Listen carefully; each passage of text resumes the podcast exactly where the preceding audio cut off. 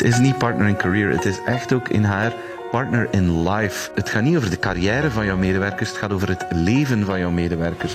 En dat is wat dat eigenlijk klanten vandaag verwachten. Je bent altijd in de buurt, maar op een niet storende manier. En je biedt toegevoegde waarde op het juiste moment.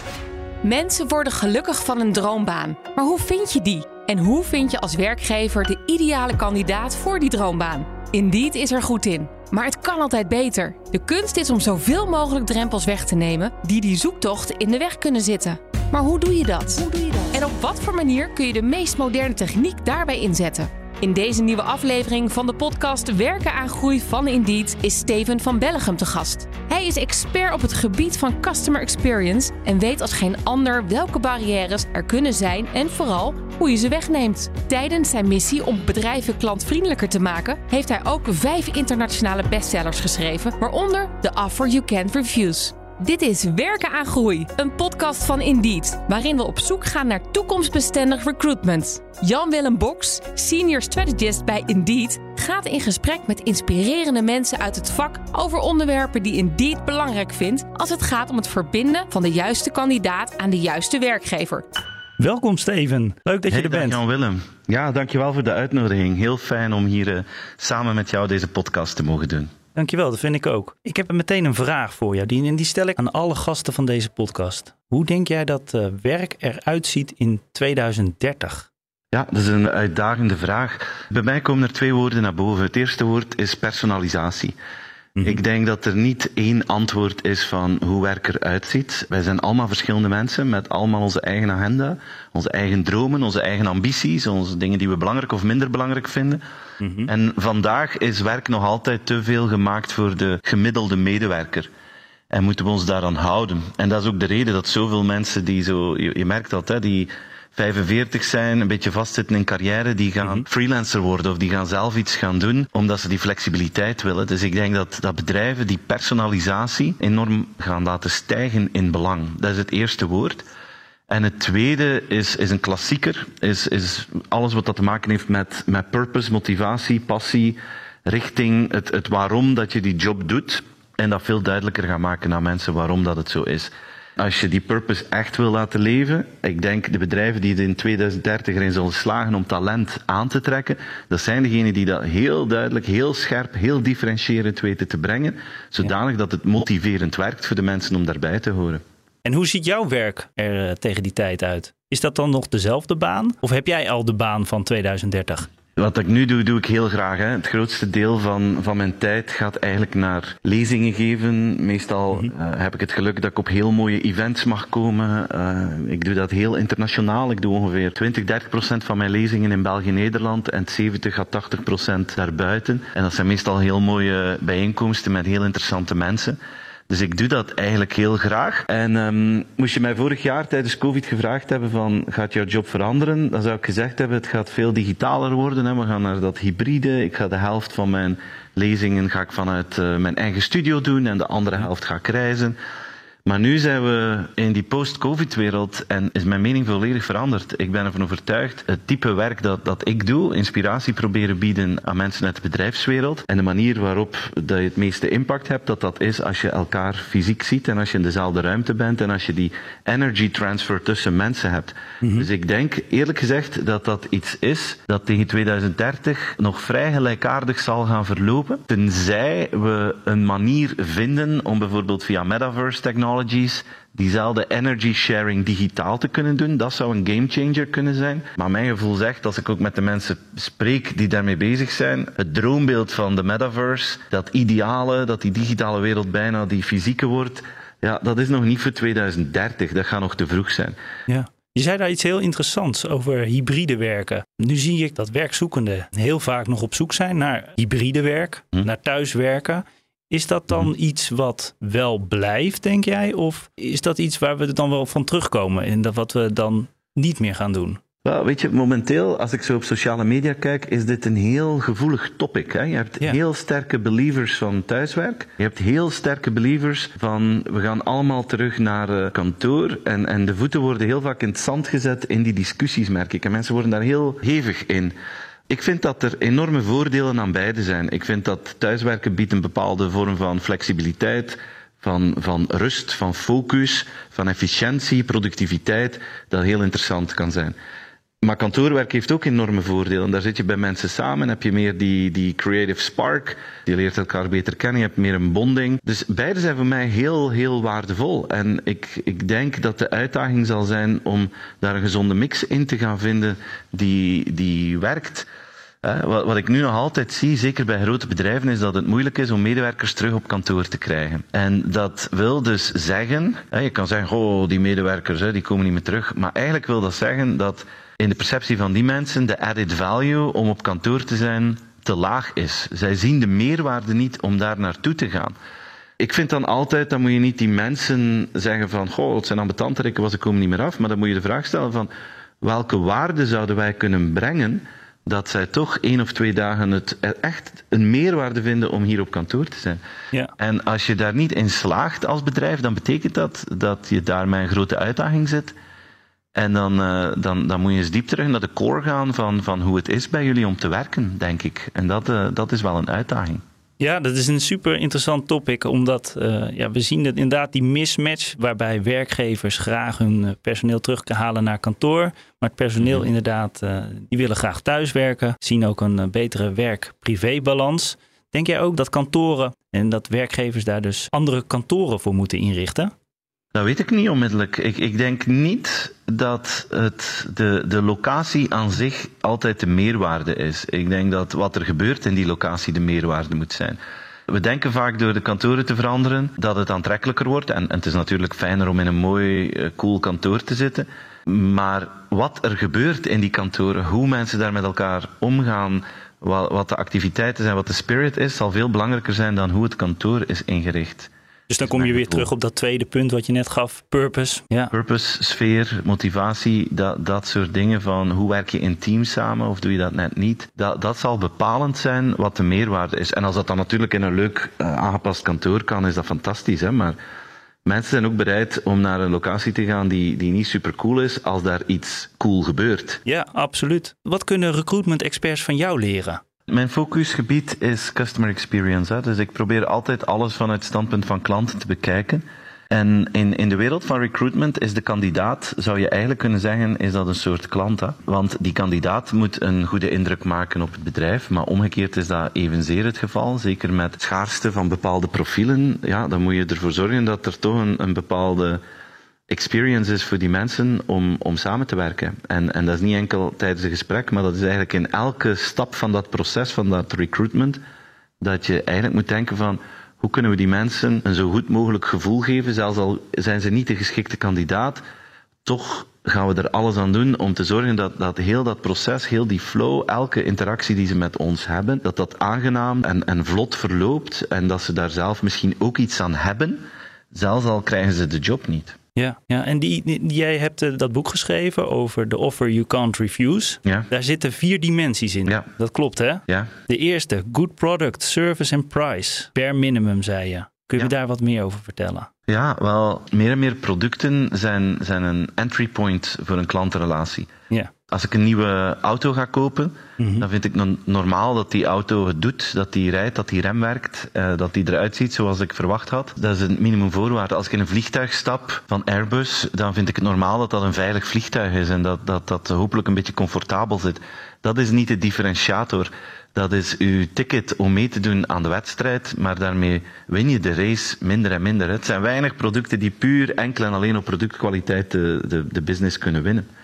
En dat is denk ik iets wat, wat op dit moment nog overschat wordt. Hè? Want onlangs was er onderzoek van Salesforce en die zei 88% van de mensen die vindt product experience en, en customer experience even belangrijk. Uh, maar als je kijkt hoeveel meer gewicht er in bedrijven gegeven wordt aan product versus experience, dan is die balans uit evenwicht, terwijl dat voor de klant iets moet zijn dat die balans wel in evenwicht is.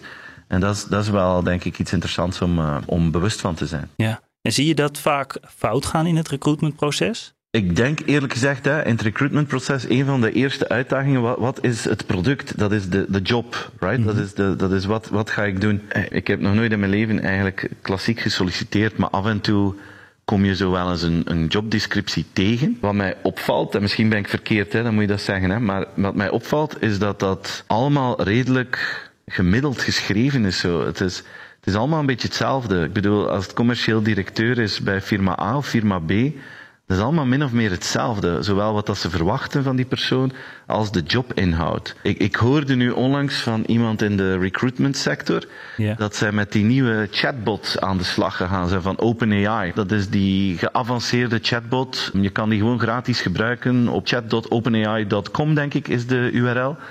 En dan uh, kan jij dat ding van alles laten maken voor jou. Dus dan kan je zeggen, schrijf een boekbespreking van Harry Potter's first book. Um, en doe dat in Donald Trump-style bijvoorbeeld. En dan krijg je een, een, prachtige samenvatting. Dus dat is indrukwekkend om mee te spelen. Ik hoorde nu al van mensen uit de recruitment-industrie dat ze die chatbot gebruiken om jobdescripties op te maken. En de reden is dat ze onvoldoende junior copywriters hebben en dat eigenlijk het niveau van die chatbot even goed is als die van die junior copywriters. Het enige verschil is, de chatbot is gratis en doet het in één seconde. Dus zij zitten daarmee te spelen. En, en voor mij is dat oké. Okay, Als je gemiddelde beschrijvingen wil, dan kan dat ding dat heel goed. Ik denk, de eerste stap in de experience is al uitblinken met de manier waarop dat je beschrijft wat er gaat gebeuren. En dan, kan, dan, dan val je al meer op. Dus in elk detail kan je het verschil gaan, uh, gaan maken. En dat vind ik dan nu nog te weinig gebeurd. Ja, en de tweede dimensie in de Offer You Can't Review zei, is digital. Worden daar veel fouten in gemaakt? Er, er gebeuren ongelooflijk goede dingen op vlak van digital. Ik denk dat we daar enorm vooruit zijn gegaan. Het, het convenience aspect is daar het belangrijkste. We leven in een soort wereld van zero tolerance for digital inconvenience. Mensen willen niet hun tijd verliezen door de digitale incompetentie van een bedrijf. En het advies dat ik altijd geef aan bedrijven is van, word eens een, een friction hunter van je eigen digitale tools. Wat is een friction hunter? Een friction hunter, dat is iemand die oog heeft voor details die frictie veroorzaken. Als je bijvoorbeeld, ik zeg maar iets, hè, een, moet reageren op een vacature, dat je veel te veel knoppen moet indrukken, of dat dat een bepaald format niet aanvaard wordt, of dat het beperkt is qua aantal tekens, dat mensen hun tekst moeten zitten aanpassen, mm-hmm. waarbij dat je eigenlijk voor je eigen gebruiksgemak hebt gezocht ten koste van de klant, of in dit geval de kandidaat, of waar je communicatie niet duidelijk is, waar die ontransparant is. Zo allemaal kleine dingen die eigenlijk heel vaak standaard al ergens in zitten, maar dat je zelf niet meer naar kijkt. Yeah. En mijn advies is dan, ga gewoon eens met een stuk of drie, vier mensen, loop eens zelf nog door je eigen proces. Hè? Solliciteer eens op je eigen vacature. En kijk eens van hoe dat loopt, hoe makkelijk dat dat gaat, of als dat al een heel gedoe is. En als dat heel gedoe is, dan, dan vinden mensen dat al niet meer leuk.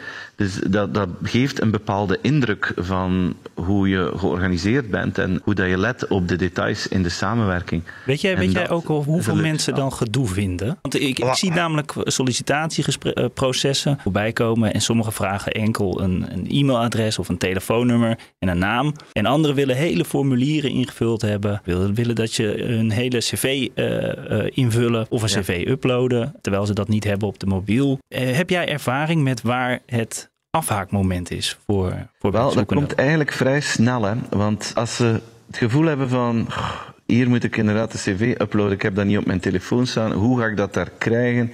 Die layout is dan helemaal screwed up als je dat moet doen. En dan denk je van, goh man, hier moet ik weer een uur van mijn tijd of tien minuten van mijn tijd in stoppen. Dat vinden mensen niet leuk. Uiteindelijk leer je mensen toch kennen tijdens het sollicitatiegesprek. Hè? Dat klopt. Hè? Het is in het gesprek dat je weet van passen die mensen bij ons en dat je dieper ingaat op de skills. Waarom het leven niet super makkelijk maken voor kandidaten en vraag je gewoon hun LinkedIn profiel. Je koppelt hun LinkedIn eraan en je kijkt daar naar. Dat, dat is uiteindelijk wat heel veel mensen doen als je iemand nieuws ontmoet en je zegt ik wil eventjes de professionele achtergrond van die mensen kennen. Dat zegt veel meer dan een cv. Als dat al niet in orde is, dan weet je al, ja, dat is al geen goede kandidaat. Hè? Dat is je, je online visitekaartje. Als je daar geen zorg voor draagt, voor wat draag je dan wel zorg? Dus dat zou, bij mij wordt die al geschrapt. En als dat een goed LinkedIn-profiel is, dan zegt dat ook heel veel. Niet enkel de jobtitels en zo, dat is leuk om te zien, maar ook wat, wat posten die? Waarop reageren die? Ik herinner mij dat ik, dat ik op een zeker moment veel mensen moest zoeken voor een job. En dan uh, kreeg ik al die cv's binnen en dan zagen er goede profielen uit. Maar ik keek altijd nog op LinkedIn. En dan kon ik vaak zien aan reacties op mensen hun post, dat dat bijvoorbeeld heel chagrijnige mensen waren, die altijd heel negatief iets instaken. En zo'n comment zegt voor mij veel meer dan een klassieke cv. Dat Ja. kost geen moeite aan de kandidaat en het biedt mij ongelooflijk veel inzicht in met wie dat ik te maken heb en of dat die persoon geschikt is om langs te komen of niet. En dat, dan heb je een win-win, vind ik. Dat is een goede tip. Dan wil ik door naar nummer drie. De partner in life. En ik ging me voorstellen, want dat, dat is het verhaal wat jij vertelt. Ik ging me voorstellen dat ik een neushoorn ben. Dat ik wakker word als een neushoorn. Kun je mij dat uh, verhaal eens vertellen hoe dat zit? Ja, de mensen die nu luisteren gaan denken van dit, dit gesprek krijgt een vreemde wending. Ze Absoluut, neus ja. Well, ik leg inderdaad altijd het, mijn partner in life filosofie uit aan de hand van een metafoor van een neushoorn. Hè? Want een, een neushoorn heeft eigenlijk geen natuurlijke vijanden volgens de natuur. Hè? Als, een, als een leeuw een neushoorn tegenkomt, dan denkt die leeuw, ja, dat ziet er veel te gevaarlijk uit, dat gaan we niet doen. Ik ga op zoek naar een zebra of een antilope, denkt die, uh, die leeuw. En daarom heeft de natuur eigenlijk gedacht van oké, de neushoorns die zijn veilig, dus die hebben geen uh, natuurlijke vijanden.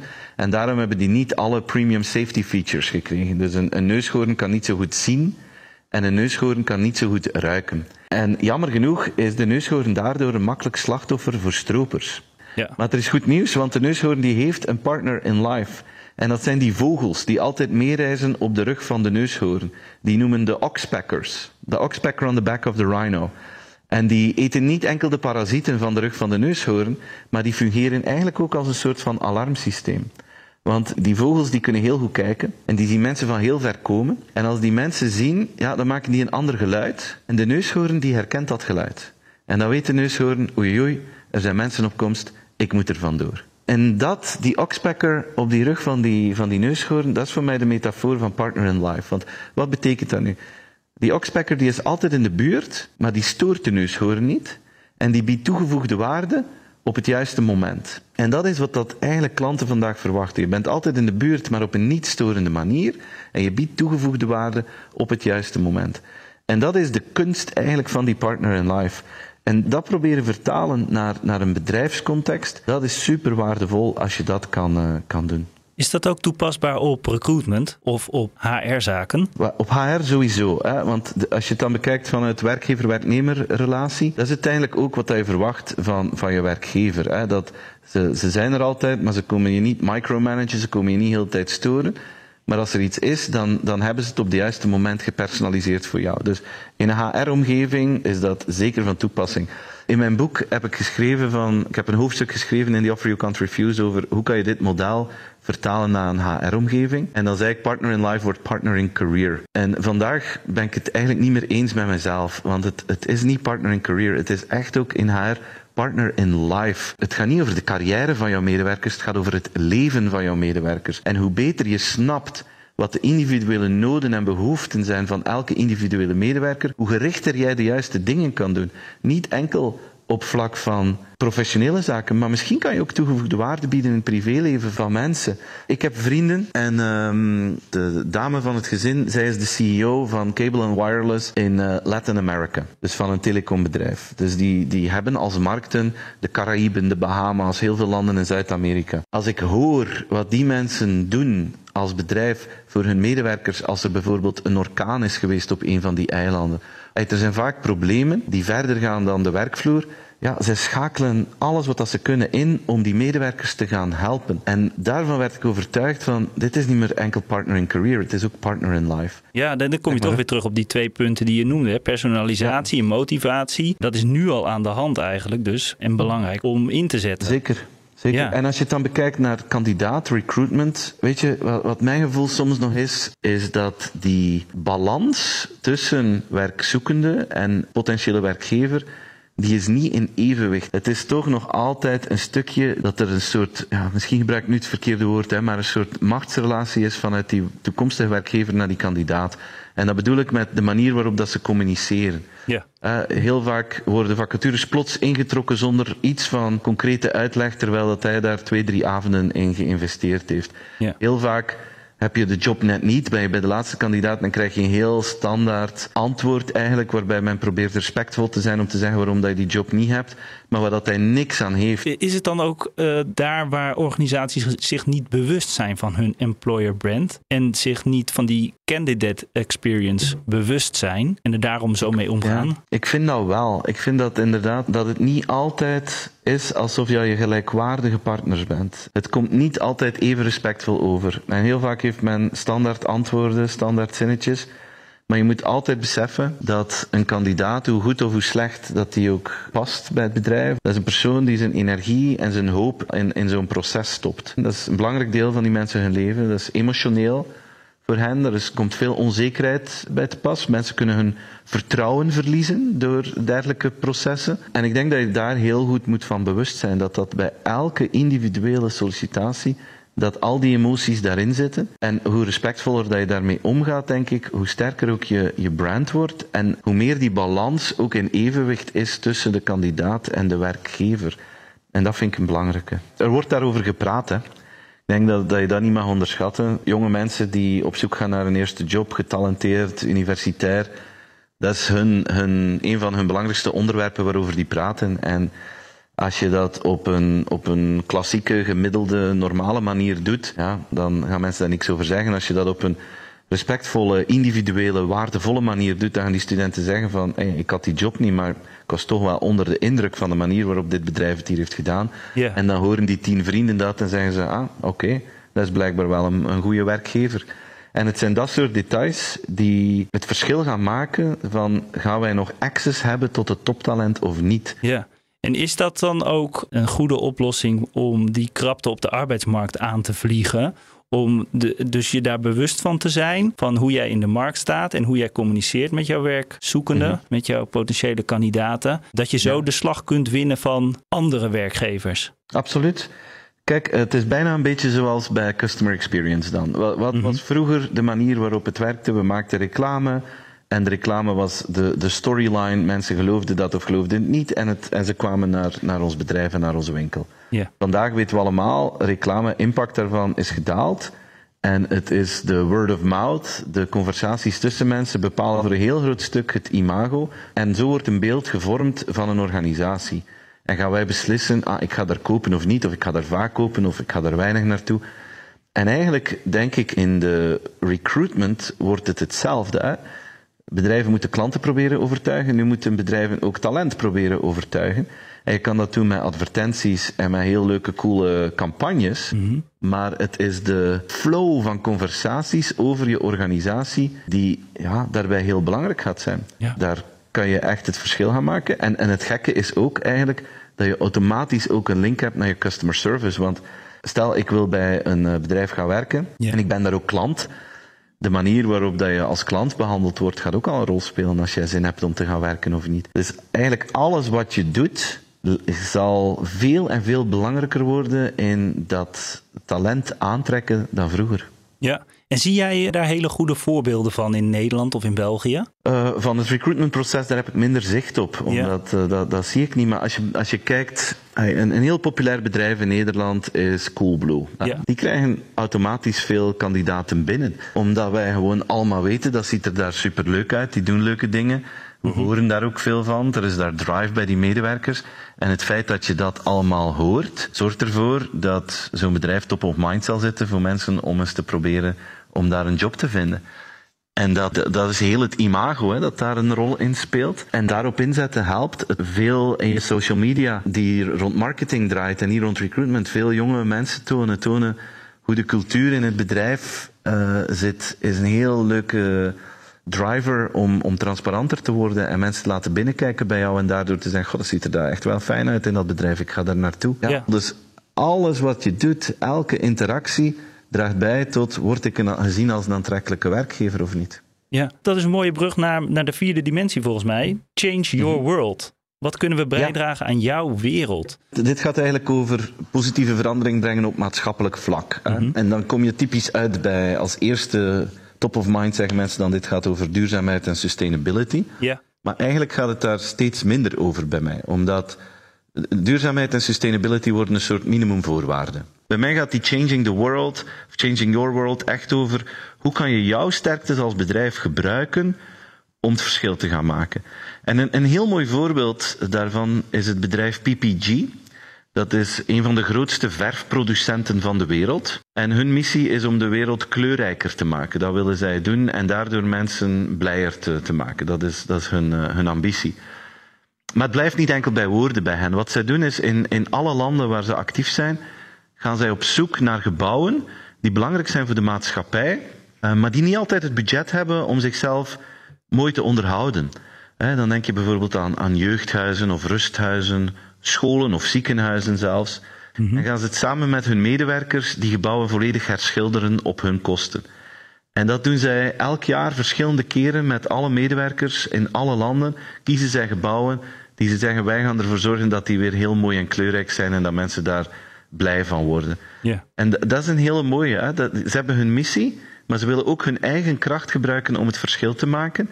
En ze betrekken hun medewerkers daarbij. En dan, dan heeft dat een heel leuk effect op de mensen die daar werken. Blijven die dan ook langer bij zo'n bedrijf? Zijn die trots? Dat weet ik niet. Daar heb ik geen data over. Maar de hypothese is ja, hè, omdat mensen daar trots over zijn. Ik heb sinds ontmoet de mensen van PPG. Ik moest gaan spreken in Miami op hun leadership conference. En ik kwam daar aan. En die hadden zo allemaal een t-shirt aan van de PPG community. En ik dacht, wat is dat hier allemaal? En toen hebben ze mij dat verhaal verteld. En, en, je zag die mensen gewoon stralen, omdat ze tijdens de ochtend een school in Miami, een, een, public school in Miami, die niet genoeg geld had, zijn ze gaan herschilderen met 200 mensen. En die school was herschilderd op een, uh, op een halve dag. En die, ja, die straalden. Dus dat, dat biedt een vorm van trots en ownership. Dat je zegt van, het is toch meaningful wat wij hier aan het doen zijn. Ja, nou ja, het is in ieder geval een heel cool verhaal om te horen. Als je wil solliciteren bij zo'n bedrijf en je zou op een website uh, terechtkomen. En je ziet zo'n verhaal, dan kan het je natuurlijk enorm aanspreken. Ja, ja, iedereen krijgt daar een warm gevoel bij als je dat hoort. Het gaat niet meer puur enkel en alleen over dat geld verdienen. En dat, ja, dat verbindt. En dat uh, zowel onder elkaar als met het bedrijf. Ja. En uh, diversiteit en inclusie, dat is ook steeds belangrijker. Of is, dat is gewoon belangrijk. Hoe kun je ervoor zorgen dat je aantrekkelijker wordt voor meer diverse doelgroepen? Wel, ik heb vorige week een lezing gehoord van een uh, Marokkaanse vrouw hier uh, bij ons in België. Die zich daarin specialiseert om bedrijven daarbij te helpen. En ik heb daar heel veel van haar geleerd. En zij zei het mooi. Hè? Diversiteit is uitgenodigd worden naar het feestje. Inclusiviteit is uitgenodigd worden om mee te mogen dansen. En ik vond dat eigenlijk wel een heel mooie uitspraak, omdat zij zegt van, eigenlijk diversiteit, daar, daar gaat het niet om. Het gaat echt over inclusiviteit. Dat iedereen de belangrijke dingen mag doen op net dezelfde manier en dat er eigenlijk niet stilgestaan wordt bij ja, wie je bent of wat je afkomst is of, of waar je voor staat, maar dat het gewoon, iedereen doet gewoon mee aan alles zonder dat er veel over nagedacht wordt. En als je de inclusiviteit gaat managen, Mhm. Dat je daardoor net een veel diverser publiek gaat kunnen overtuigen om bij jou te komen werken. Ja. Hoe draag je dat dan als organisatie uit dat je dat belangrijk vindt en zonder dat je daarbij de plank mislaat? ik ben er zeker geen expert in en ik, ik, wil, ik ga gewoon de, de dame quoten dat, dat ik vorige week heb gehoord, omdat zij zegt van Heel vaak worden er met goede bedoelingen foute dingen gezegd. En we weten allemaal dat ligt, dat ligt soms gevoelig en, en soms krijg je een beetje schrik, of veel mensen hebben schrik om, om iets fout te zeggen en zeggen daardoor bijna niks meer. Mhm. En dat is natuurlijk niet, niet het goede. En haar tip was, als je twijfelt over iets, vraag het dan gewoon. Als je zegt van, hoe heb jij graag dat we dit of dit doen? Of hoe komt dit over? En gewoon de vraag stellen toont dat je het belangrijk vindt. En dat je het op een respectvolle manier wil doen. En het is veel beter om de vraag te stellen, zelfs al is dat een moeilijk gesprek, dan om niks te zeggen. Mhm. En mensen gaan dat enorm appreciëren. Ja, dat denk ik ook. Um, ik weet zeker dat je deze vraag ook kunt beantwoorden, want je hebt er een, eh, een prachtig boek over geschreven dat uh, The Offer You Can't Refuse heet.